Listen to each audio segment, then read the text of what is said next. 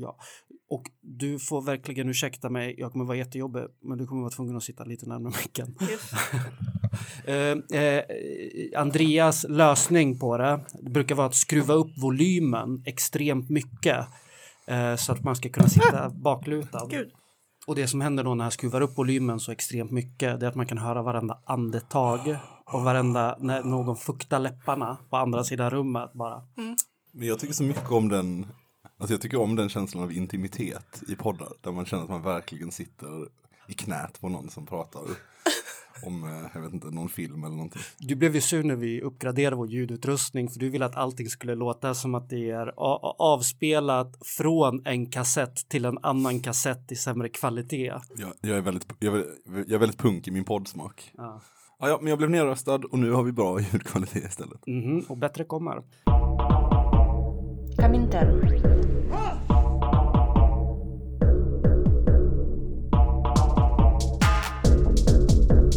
Berätta inte för mig om det svenska klassamhället. Jag har sett det. Jag har växt upp i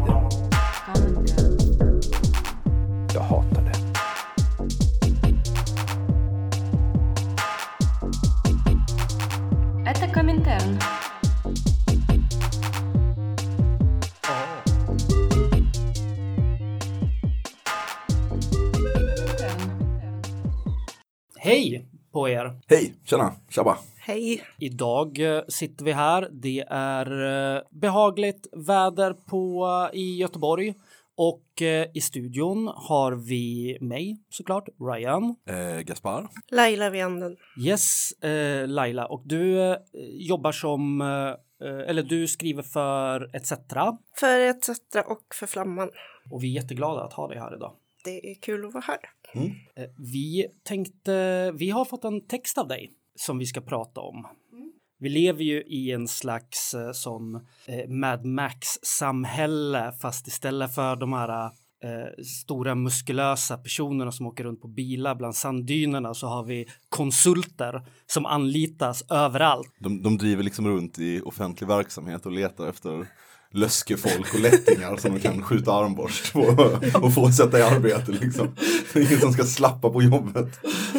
Det är, ja, Det är väldigt svåra tider för de flesta, men inte för konsulterna och inte för politikerna. Och vi har en text idag då som heter så mycket som, det är en väldigt ambitiös titel, eh, The Limits of Institutional Convergence, Why Public Sector Outsourcing is Less Efficient than Soviet Enterprising Planning. Eh, precis, av Abby Inns. vågar du dig på en, en översättning till svenska där? För det Ja. var inte lätt att hänga med på. Ja, men, eh, begränsningarna utav institutionell konvergens, varför offentlig eh, verksamhets eh, outsourcing är eh, mindre effektivt än, sov- eh, än, eh, en sovjetisk eh, planekonomi. Den är skriven av Abbe Innes som forskar i nationalekonomi eller ekonomisk historia är det, eh, vid London School of Economics.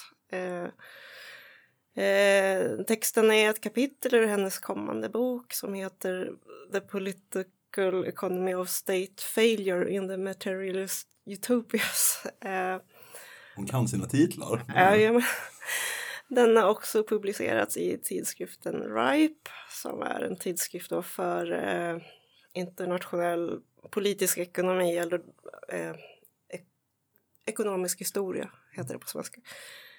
Och hon menar väl i stort att nyliberalismen som den gestaltar sig eh, och förstås idag och praktiseras idag har större likheter med stalinistisk centralplanering än med empirisk, politisk och ekonomisk vetenskap. Eh, hon pekar ut en lång rad likheter både i synen på ekonomi och på samhället och på vad människan är och ekonomi som vetenskap men också i själva handhavandet av den nyliberala ekonomin. Ehm, I stort så menar hon att eh, incitamentstrukturen för välfärdsföretag leder till sämre kvalitet, man underlevererar, eh, målstyrningen eller de administrativa kraven då från beställaren, staten, kommunen eller landstinget det blir viktigare än, än de faktiska resultaten och kvaliteten i resultaten och, och nyttan för, för samhället och för de som lever i, i samhället.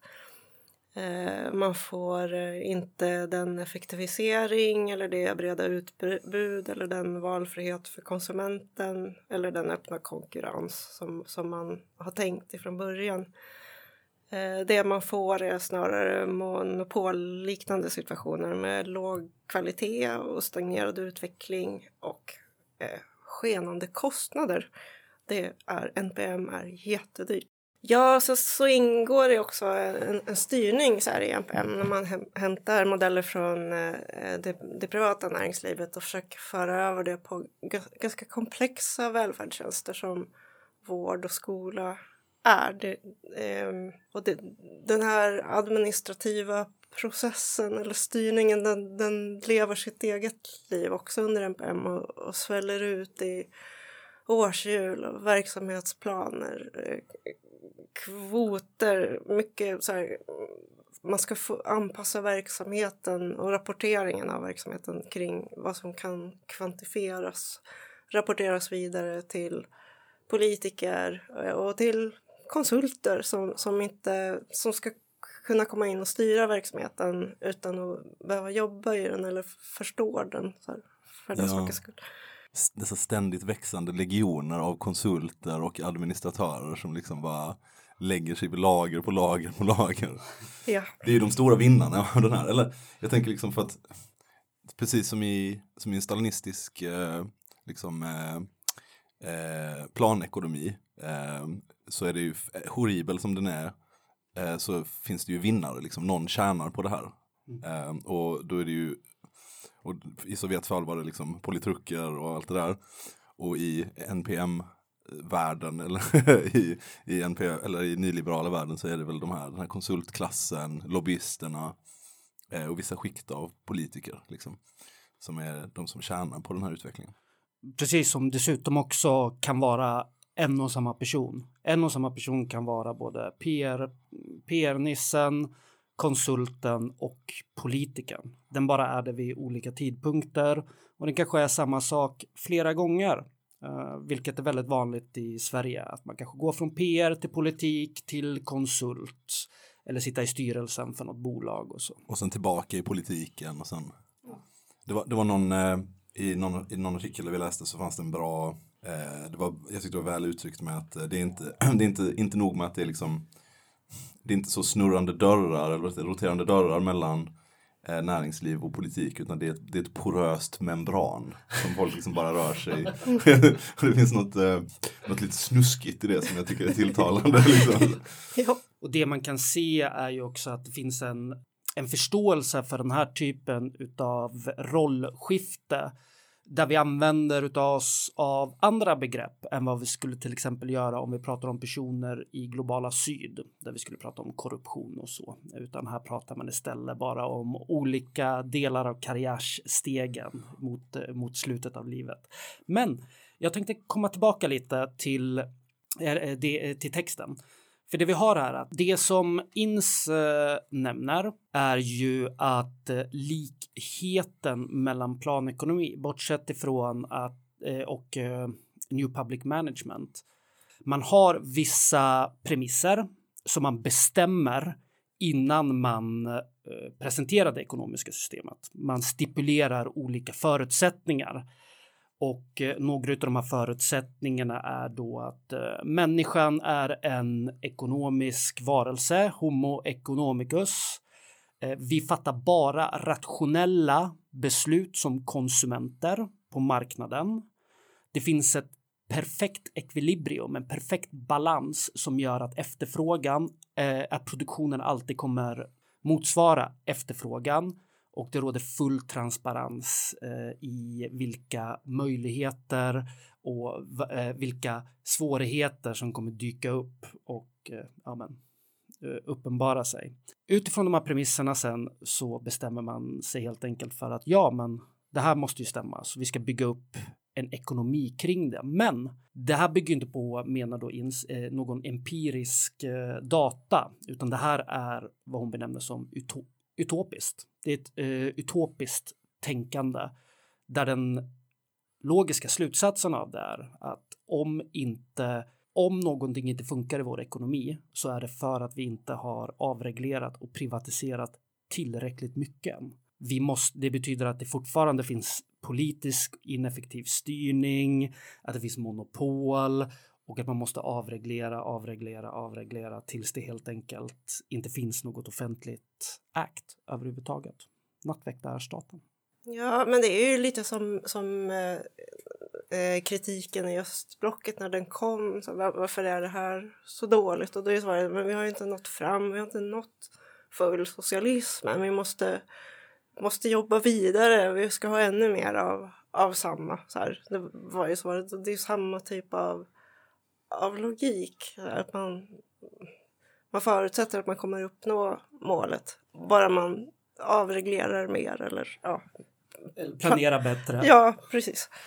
Och, och det, jag tänker att det är den ena det, det är den ena delen av förklaringsmodellen. Alltså det här med att eh, det finns eh, ja, men, eh, jag vet inte, vänsterpartister som vägrar att låta sälja ut eh, dagisbarns eh, sandlådor till privata företag eller vad det nu kan vara. Liksom, och liksom blockerar den rena marknadens perfekta logik. Och sen så den andra stoppklossen är då lata människor som eh, inte har rätt incitament, det vill säga de är inte tillräckligt fattiga.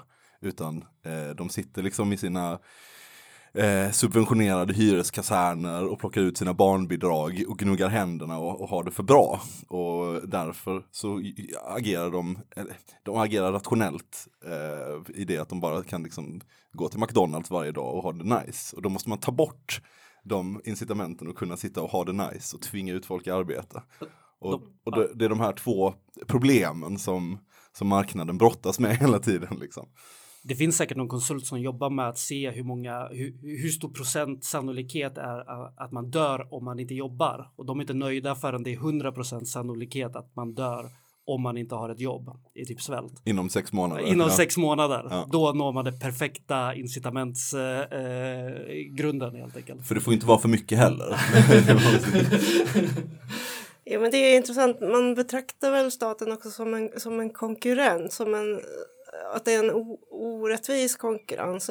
Dels utifrån att man pratar om statliga monopol kring det som fanns här i järnvägen, skolor, sjukvård och så vidare. Men, men också i, i relation till de sociala försäkringarna, att staten blir en konkurrent till arbetsgivare. Så här, i och med att man, man kan få ekonomiskt bistånd man kan få hjälp med vissa basala grundläggande behov så här, om man inte har en, en inkomst. Och då, och då är staten ett, ett hot. Eh, och det man inte ser då det är ju det samhälleliga, liksom, den dimensionen eller den nyttan som finns i att ha sociala försäkringar eller att ha en skola som faktiskt kan jobba för en likvärdig utbildning och, och så vidare. Och staten är ju en slags Eh, konsument. Den säljer ut eh, verksamheten och gör ett kontrakt där den säger till, eh, till de här eh, bolagen om du ger mig det här eh, så får du de här pengarna av mig. Man gör kontrakt där man stipulerar exakt vad som måste göras helt enkelt. Vil- vilka uppdrag den här privata, eh, vad det nu kan vara, vårdnadsgivare eller transportbolag ska göra. Och vad, vad är det som händer då? Eh, kontrakt i sig är ju, de har ju en öppen natur. Det, det kommer alltid oförutsedda händelser och det, det kommer alltid eh, beställarens behov kommer också förändras över tid och det är ganska långa kontrakt som man, som man tecknar, eller långa avtalsperioder som man har om man köper upp en, en tjänst till exempel. Eh, och, det, och det ger, i sig så ger det incitament för företagen att försöka svetta ut så mycket pengar som möjligt ur, ur kontrakten genom att, att man kanske aktivt också undviker att beröra vissa eventualiteter som skulle kunna dyka upp. Eh, och då eh, sitter man i en position där man ska omförhandla om avtalet för att få ut mer pengar. Och man har, ofta så är man en jätteviktig leverantör. Man kan inte bryta produktionskedjan. Engelska skolan kan inte sluta undervisa i, i två veckor utan de måste fortsätta. Så staten är beroende av kontinuitet i, i leveranserna och då får företaget ett förhandlingsövertag.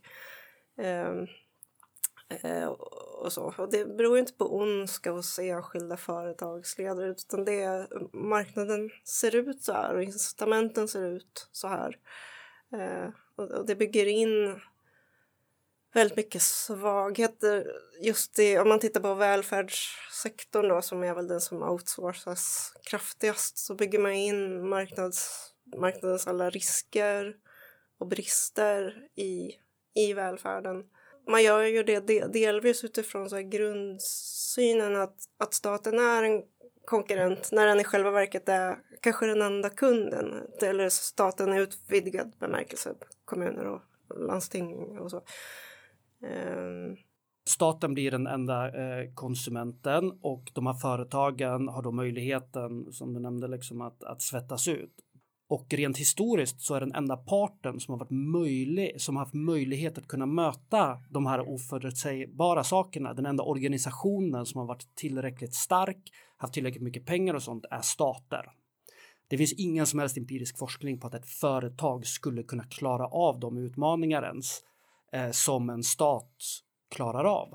Och det eh, leder till att, som man har sett då, att allting helt enkelt blir mycket dyrare att göra. För man måste omförhandla, man måste betala företagen mer för de här sakerna som staten innan ganska friktionsfritt hade kunnat sköta. Kostnaderna, eh, administrativa kostnader generellt gick upp 40 procent i England eh, sen Thatcher-tiden.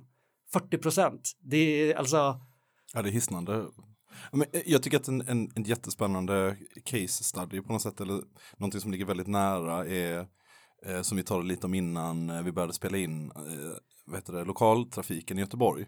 För att jag tror att liksom många människor, inklusive mig själv, har liksom länge gått runt och tänkt så här, bara, ja men okej, okay, visst det är säkert, det är de här typ Arriva som eh, styr bussarna och eh, sådär och så är det kanske något för annat företag som, som säljer eh, eh spårvagnarna och, och sådär. Men, men, men det är väl Göteborgs stad mer eller mindre som håller det där. Och bara, Nej, så är det inte alls, fick jag reda på häromdagen. För att jag snackade med någon som jobbade på som, som sagt trafikledare. Eh, och han, han liksom berättade att de, det företaget som, som har som driver buss, alltså som håller bussflottan i Göteborg. Det är ett sånt gigantiskt multinationellt företag som har tusentals bussar runt om i hela världen på flera kontinenter. Och liksom Göteborgs bussflotta är bara en liten kugghjul, ett litet kugghjul, en sån gigantisk bussmaskineri. Um, och, men inte nog med det, det är också så att vissa extremt specifika delar av kollektivtrafiken också ägs av vissa specifika företag. Så biljettautomaterna på spårvagnarna, de tillhandahålls av ett specifikt företag som har sina egna kontrakt, sina egna leverantörer, sina egna anställda. Eh, och att alla de här olika företagen som är inblandade ligger ibland i, eh, i konkurrens slash konflikt med eh, Göteborgs stad som ju hela tiden måste se till att det här faktiskt fungerar och därför får ha sina egna parallellstrukturer samtidigt som går in och har sina egna då, som vi talade om, trafikledare och som liksom måste så, så, det skapar ett så otroligt komplext och eh, skört system. Eh, och då eh, som, som man liksom som, alltså, som, som dag till dag användare inte tänker på. Att det, är liksom, det, är ett, det är ett enda stort jäkla korthus. Liksom. Eh, och att den här tanken om att eh, kunna liksom, amen, jag vet inte, alltså, den liksom socialdemokratisk idé om att amen, vi kan väl bara köpa tillbaka skiten och liksom så, nationalisera McDonalds och så kör vi. Det är liksom inte helt realistiskt. Det går inte riktigt. Utan det, är, det krävs en radikal samhällsförändring i grunden på massa olika plan för att ta tillbaka demokratisk kontroll över, ett, över de här systemen. Liksom. Det går inte bara att vara så, ja men vi kan väl avprivatisera bussarna. Alltså det är inte riktigt realistiskt, det är inte riktigt möjligt utan då måste man storma Askim istället. Liksom. Men jag tänker på det som, eh, som de förutsätter då när de pratar om alltså de här neoklassicist, liberal, klassicist, jag vet inte vad, vad det kallas. Att eh, om, om full transparens och informerade val. vi har inte en aning om vilka det är som tar hand om vilka tjänster i våra samhällen, vilka delar som är outsourcade, vilka delar som ägs av regionen, kommunen, utan allting är verkligen en, en mosaik av olika företag. Det är svårt att ta ställning till om man som konsument vill betala i en betalautomat på vagnen för att det innehåller, för att det tillhör ett visst företag och man kanske inte vill stödja det företaget eller vad det nu är, är, är liksom. För att de också har biljettautomater i Israel eller någonting. Ja, ja, men precis. Eh, Det här idén om transparens förutsätter också typ någon slags form av oändlig hjärnkapacitet som gör att man kan hålla alla de här olika företagen och eh, em, konsumtionskedjor och sånt i huvudet. Jo, men det skulle ju vara intressant om någon satte sig och räknade på vad alla de här administrativa kontrollsystemen och kostar. Alltså ut, utifrån statligt håll eller kommunalt eller regionalt. Eh, hur många tjänster det går åt för att sitta och följa upp avtal och, och omförhandla dem och eh, göra kvalitetskontroller och, och, och skapa jättemycket administrativa rutiner kring hur, hur den här kontrollen ska ske också. Eh, så det, och det är väl också en av Innes poänger att eh, eh outsourcingen leder ju inte till en mindre stat. Vi vi har, får en svagare stat som inte kan styra, överblicka eller planera. Det blir mycket svårare. Så den är svag. Däremot blir den större för kontrollfunktionen ökar och den blir dyrare. Precis som tjänsterna blir dyrare. För det är ju också tanken då att eh, den det här eh, perfekta balansen i, eh, i totalt nyliberalt samhälle kommer ju driva ner priserna till en nivå som kunden är beredd att betala. Men det man har sett är att för de mest essentiella tjänsterna som till exempel sjukvård och skola så är det redan bara etablerade monopol mer eller mindre eller extremt stora företag som kan gå in och överta det, eh, den tjänsten utav eh, staten. Och i brist på konkurrens så finns det inga som helst eh, incitament eller vad man nu ska kalla det för att göra det billigare.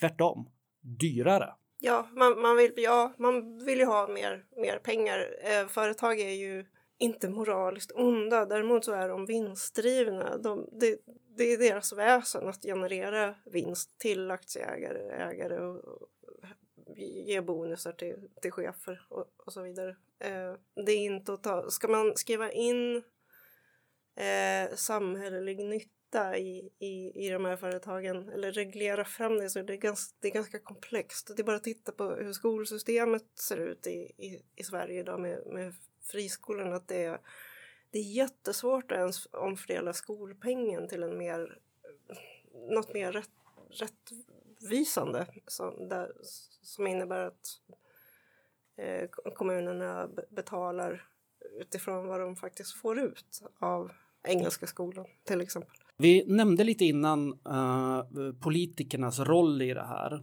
Eh, och eh, jag tänker att vi kan kolla på lite exempel. Vi har ju fallet där det blev kanske kom upp på tapeten på riktigt första gången. Fallet Filippa Reinfeldt som hade suttit då i regionens sjukvårdsutskott eller vad det nu heter I Stockholm va? i Stockholm, precis. I massa år och i samband med regeringsskiftet 2014 så eh, avslutade hon sitt politiska uppdrag och övergick till vårdgivaren Alendo, eller vad heter de? Bra fråga. Ja, Ja, men de har ju alltid så extremt bland och lätt bortglömda namn. Alltså med mening känns det som nästan liksom för att eh, de vill inte synas riktigt. Så här tycker jag ofta man får känslan av. Man ska inte lägga det på minnet för då, då kanske man börjar ana ugglor i mossen. de byter ju namn också om Ja, skandalerna blir för jobbiga. Just det. Finns vårdaga fortfarande? Jag, jag kommer, kommer ni ihåg när det var sån, blev en stor grej? Vad kan det vara, typ tio år sedan eller någonting kanske? När, när alla de här, ja men när NPM skulle rullas ut in, i, i vården på allvar eller liksom så, vad, vad, jag vet inte, vad man kan- hem, hemvården eller så här. Eh, och det var, blev så upp, extremt uppenbart hur extremt pressad vårdpersonal var tvungen att jogga runt mellan olika vårdtagare. Och då blev det till slut så att många fick ligga i sina blöjor. Äldre personer fick ligga i sina blöjor flera dagar och stressen ledde till att ja, undersköterskor eh, behandlade eh, patienter illa. Så här. Det blev en jätteskandal. Och ja, men då var det väl precis så att de här vårddagarna, de bara, nej, bytte namn. Så nu heter det typ, jag vet inte, caregivers. Ja. något så här. Care lovers. Lo, lom, lom, lomong, lomega, eller något så här. Tomt.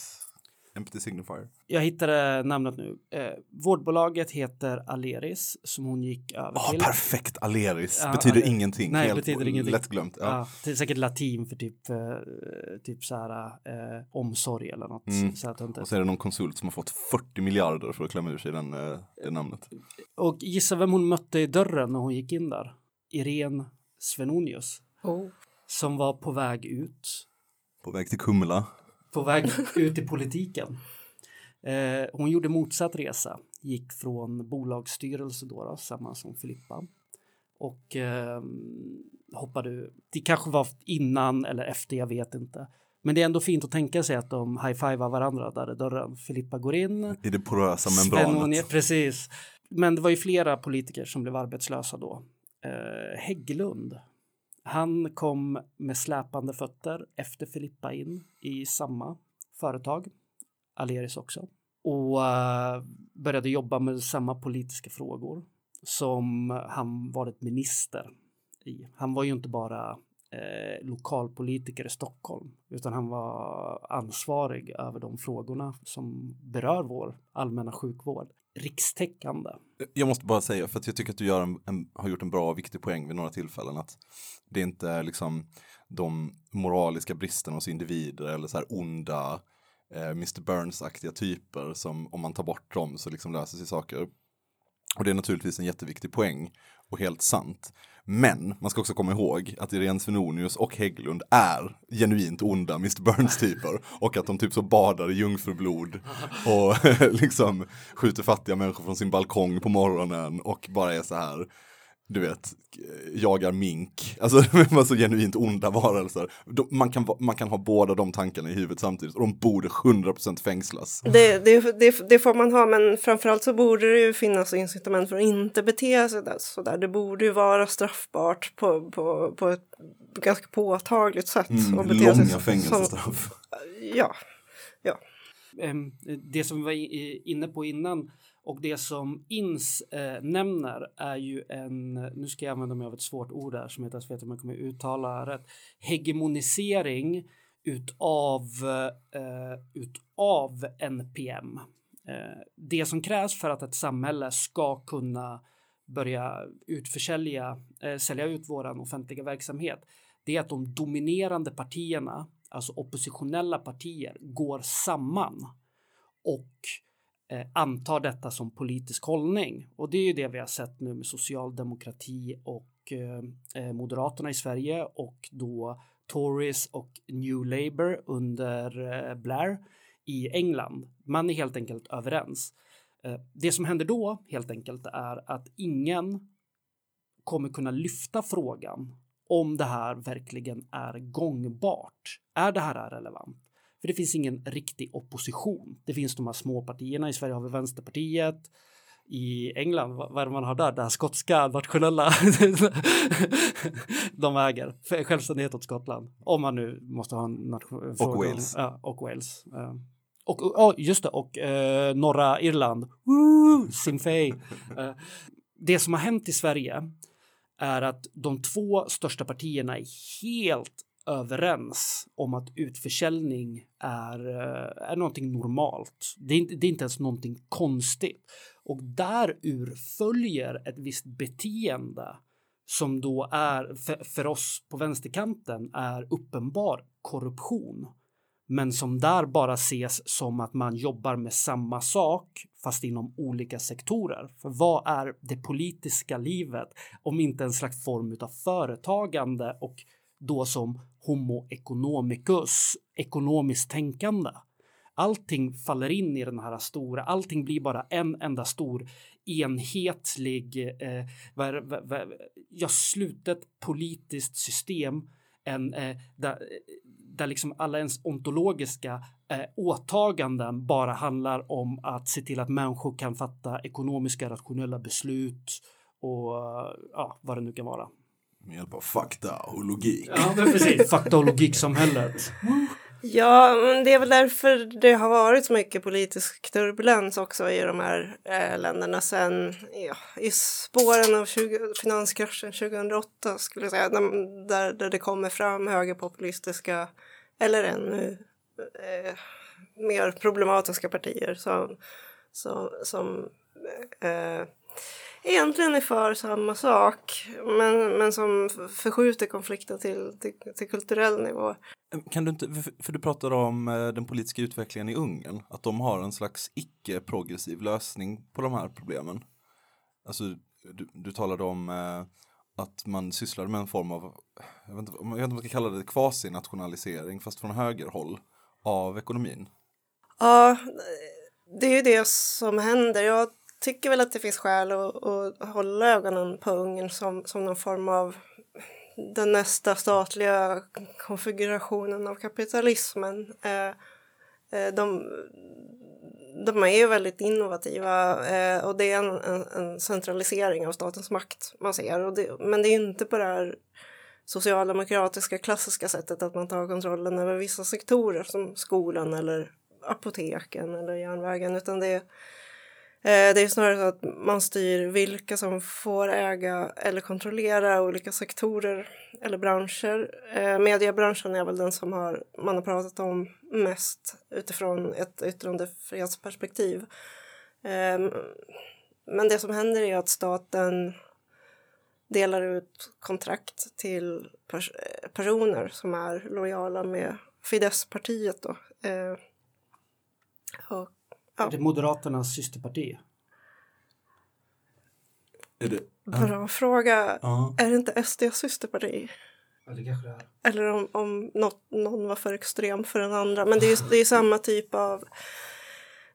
Ja, men det är en form av konservativ liberalism är väl liksom det snälla uttrycket för det. För det, för det kommer ju med ett värderingspaket som är väldigt nationalistiskt, rasistiskt, patriarkalt eh, och så All- vidare. Alla, alla de här Twitter-profilerna som är civilingenjör, eh, saknar värdegrund.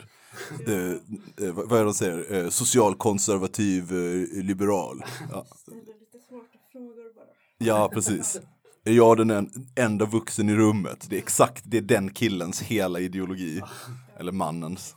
Skrynklig vit skjorta, dassiga relationer till sina mödrar. Ohälsosam intresse av tredje riket och båtar typ. Tråkigaste och sämsta människan i världen, ursäkta mig. Ja, men de är ju inte så här, ja men jag är faktiskt inte fascist, jag är ord och liberal faktiskt. Så, här, så, så brukar man ju säga Ja. också. Just det, klassisk liberal. Mm. Socialt konservativ, ekonomisk, eh, ekonomisk liberal, klassisk liberal. Åh, de är så himla dåliga. Förlåt, nu avbröt jag dig. Jag, nej. det är en sån rant mot en väldigt specifik subkultur. Ja, men de brukar hålla igång på Twitter. eh, eh, nej, men det är väl det som sker. Så. Eh, och, och som vänster så kan man ju tycka att det är lite fräsigt med en stark statsmakt och med eh, kanske också en så här interventionistisk politik, ekonomisk politik, att staten faktiskt går in. För, för det är det som händer i Ungern också, att det är staten som styr hur den, under vilka former den kapitalistiska konkurrensen sker och så. För, för vi vill ju ha någon form av reglering eller statlig kontroll. Men den är inte... Den är en annan form. Eh, den är inte neoliberal. Den, man kan kalla den postneoliberal. Att, att liksom liberalismen övergår till, till nästa stadium. Och man ser också i synen på medborgarna att, att det är mot Ungerns konstitution att vara hemlös. Man får inte tillgång till välfärdssystemen och då, då har ju staten utesluter ju stora delar av, av sina medborgare utifrån fattigdom och, och etnicitet så här, mycket eh, som, ja, som staten inte betraktar som medborgare och staten har inga åtaganden gentemot dem. Och det, även om vi har hört så här, populistisk nyliberal argumentation kring lata bidragstagare och så vidare så är det det är en ganska grov förskjutning så här, när man skriver in det i grundlagen. Ja, verkligen. Men det är en intressant spänning som du tar upp där för att jag tror inte någon av oss tre här i panelen är så här eh, har någon slags blind tro på att ja, men bara staten köper upp eh, liksom, eh, eh McDonalds och eh, svenska järnvägar ehm, och förstatliga skolan så kommer massa saker lö lösa sig eller att det nödvändigtvis skulle bli bättre. Utan jag är mycket mer intresserad av att tala om ett, istället för ett förstatligande så ett demokratiserande. Alltså det, det är bristen på demokratisk kontroll som är problemet, inte att företag istället för staten äger någonting.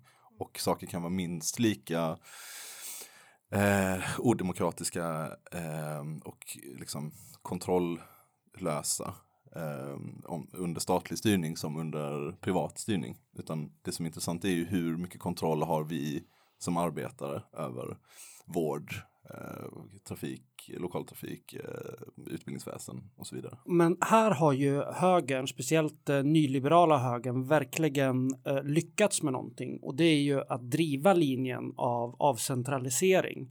Det är en av pelarna som bär upp hela det, hela det eh, nyliberala projektet. Att få bort, staten, äh, få bort styrning från staten, flytta den till regionerna där det är lättare att föra påverkningsarbete och driva igenom olika beslut som utan att det kommer upp till nyheter, utan att det blir en grej utav det eh, och där den politiska klassen nästan alltid också är den rika klassen. Eh, man kan se det i eh, strukturanpassningsprogram och sånt som används av Världsbanken och IMF och så. Ehm, helt enkelt att man lånar ut en stor summa pengar eller flera summor pengar under en längre tid till olika eh, länder i syd förutsatt att de uppfyller vissa krav. Och ett av kraven är avcentralisering, det vill säga regionsstyrning. I många av de här sydländerna är det jättebra för det bor, finns klasser av europeiska kolonisatörer som bor mer på ett visst område så att de i princip är autonoma. De kan själva bestämma över sina, eh, sitt ekonomiska liv och exploateringen som de påför andra människor. Eh, också avreglering utav offentlig verksamhet eh, är ju jätteviktigt i de här Eh, strukturanpassningsprogrammen. Eh, till, man måste helt enkelt uppfylla en kvot av olika tjänster. Det kan vara sjukvård, det kan vara skola, det behöver inte vara alla, men det ska vara vissa för att man ska kunna låna ut de pengarna. Mm. Och där, där är det faktiskt intressant att titta på Ungern därför att det Fidesz har gjort det, det är ju faktiskt att eh, ta kontrollen över regionerna i större utsträckning. Eh, man befinner sig i någon slags kulturkrig med Budapest som är en, en progressiv stad som väl historiskt alltid har varit det. Där staten hävdar att stadens mark tillhör staten och staten ska bygga och planera. Eh, man har också upprättat ekonomiska minizoner i olika städer mm. runt om i Ungern där, som staten kontrollerar och de städerna som omsluter zonerna får de, de får inte ut någonting av det ekonomiskt och de förlorar inflytande över både budget och, och stadsplanering. Och, och, så det, och det är ett sätt att göra det och jag tror att det är ett sånt tecken man ska hålla utkik efter. Det är inte bra. Det känns ju inte alls svårt att se en framtid om 5-10 år där man har såna, en sån ekonomisk zon i till exempel Stockholm där, där konsulter driver runt med eh, du vet så blodiga golfklubbor och letar efter och har så fri jaktsäsong på folk som inte arbetar för tillfället. Så här. Du är inte produktiv just nu och så får de, har de liksom rätt att eh, slå en i huvudet med tillhygge eller något sånt där.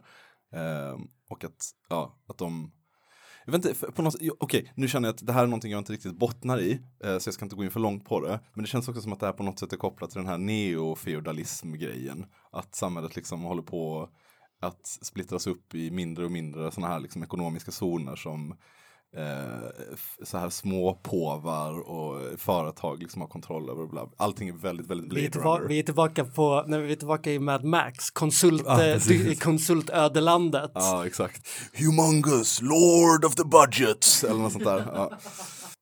Yes, eh, något mer som vi har missat att prata om? Jag tänker faktiskt på likheterna mellan välfärdsföretagen och, och sovjetiska statsägda eller statskontrollerade företag. För nu har vi pratat om det, det är så, men vi kanske ska nämna exempel på varf, varför det är så. så här.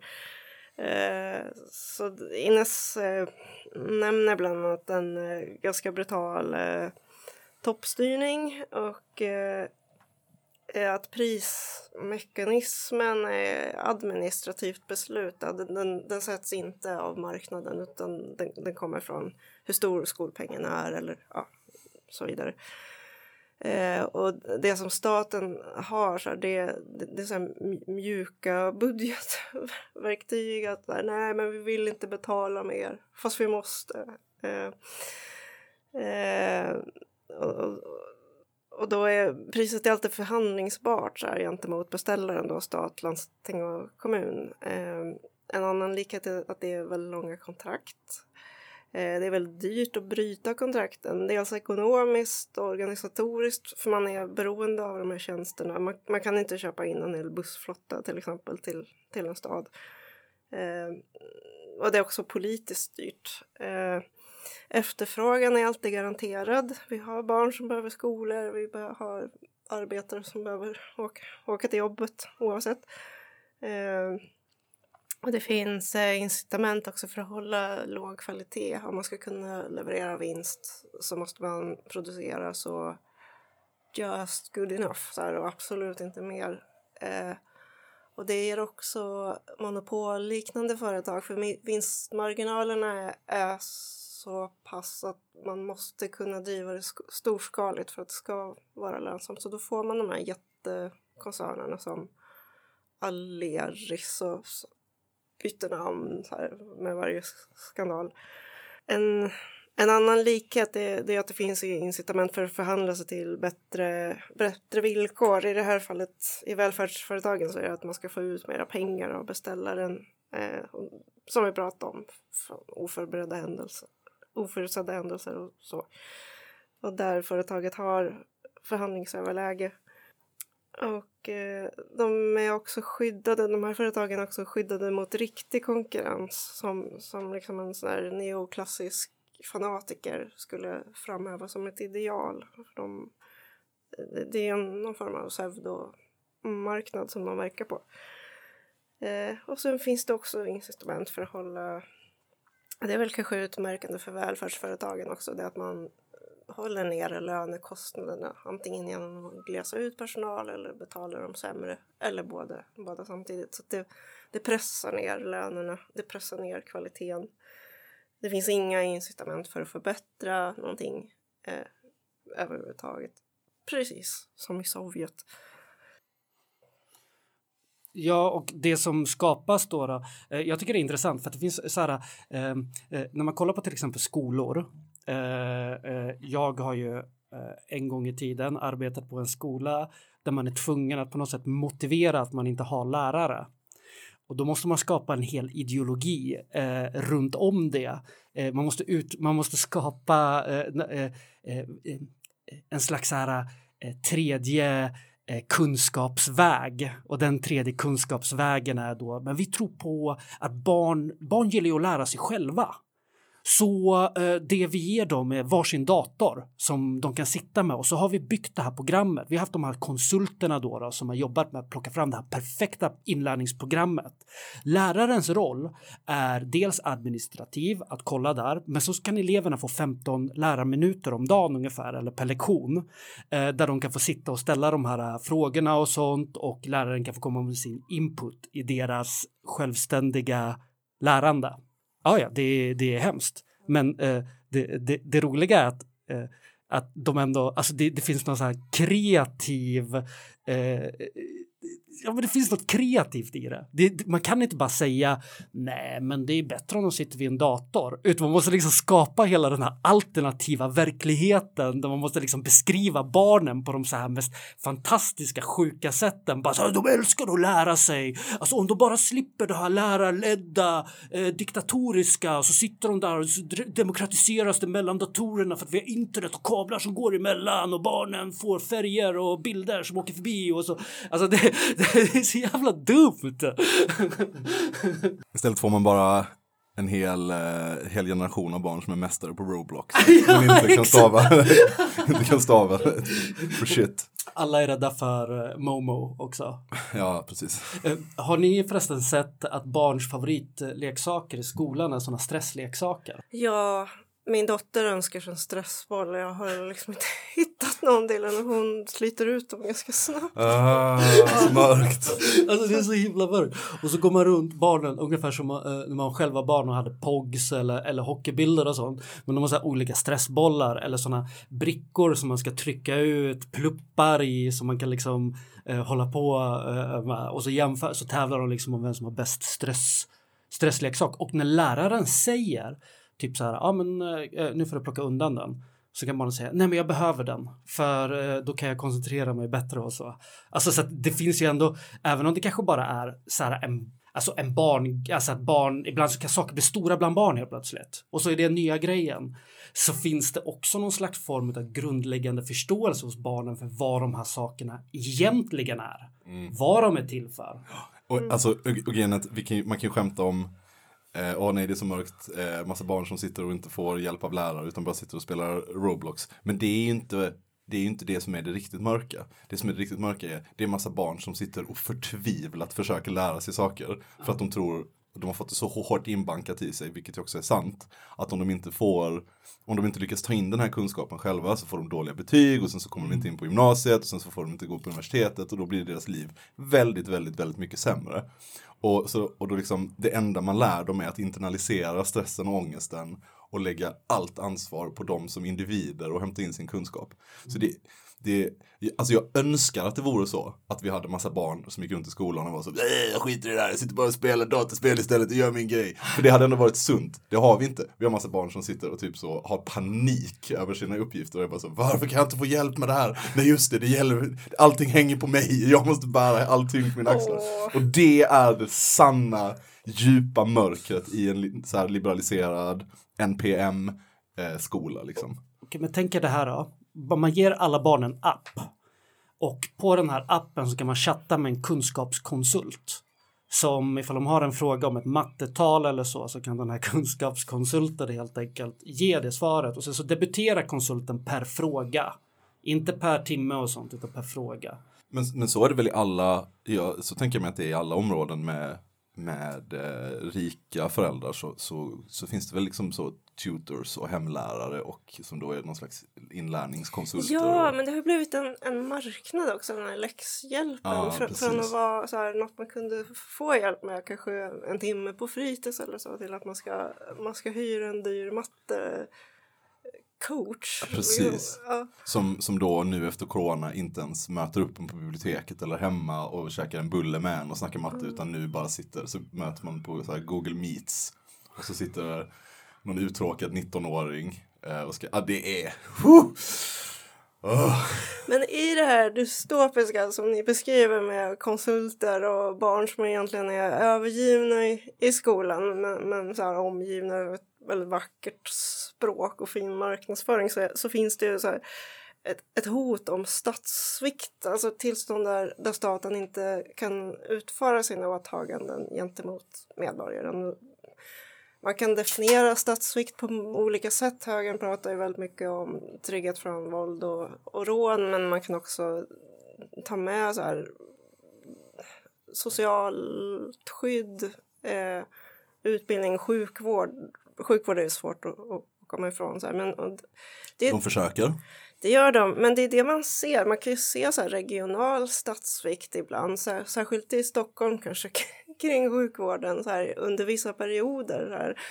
Eh, och det tror jag att man kommer se mer av. Man ser det, eller har sett det i flera av de här forna öststatsländerna som man liksom turboliberaliserade och tog bort hela välfärden. Att, att staten bara inte fanns kvar när människor be behövde den. Vilket leder till ett sånt omätbart lidande för individen. ja. Vet ni vad, jag börjar få myror i benen. Jag, det, att sitta en timme, det är ungefär vad jag mäktar med, rent fysiskt. Yes, eh, jag tänkte höra eh, eh, Laila, du skriver ju. Har du eh, för ETC och Flamman. Eh, vart kan man hitta dig annars? Eh, ja, man kan, man kan höra av sig via redaktionsmejlen. Eh, eh, jag finns också på sociala medier eh, om man vill och är snäll så går det att hitta. Men eh, eh, redaktionsmejl är, är bra annars. Då tackar vi så jättemycket för att du kunde komma idag. Det här ja. varit superintressant och kul. Ja. Det var kul att vara här. Ja, tack så mycket för att du kom. Tack. Smärtfascism. Smärtfascism. Smrt fašizmu. Smrt fašizmu, sloboda narod. Smrt fašizmu. Smrt fašizmu. Smrt fašizmu.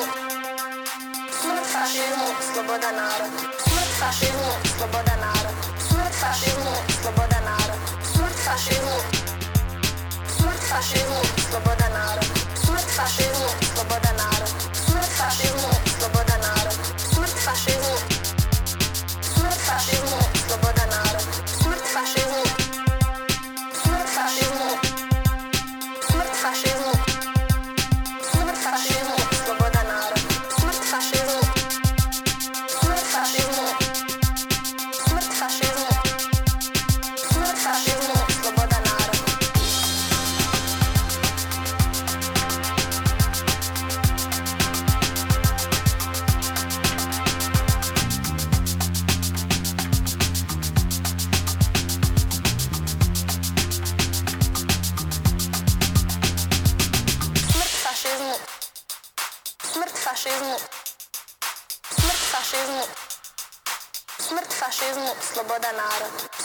fascismo.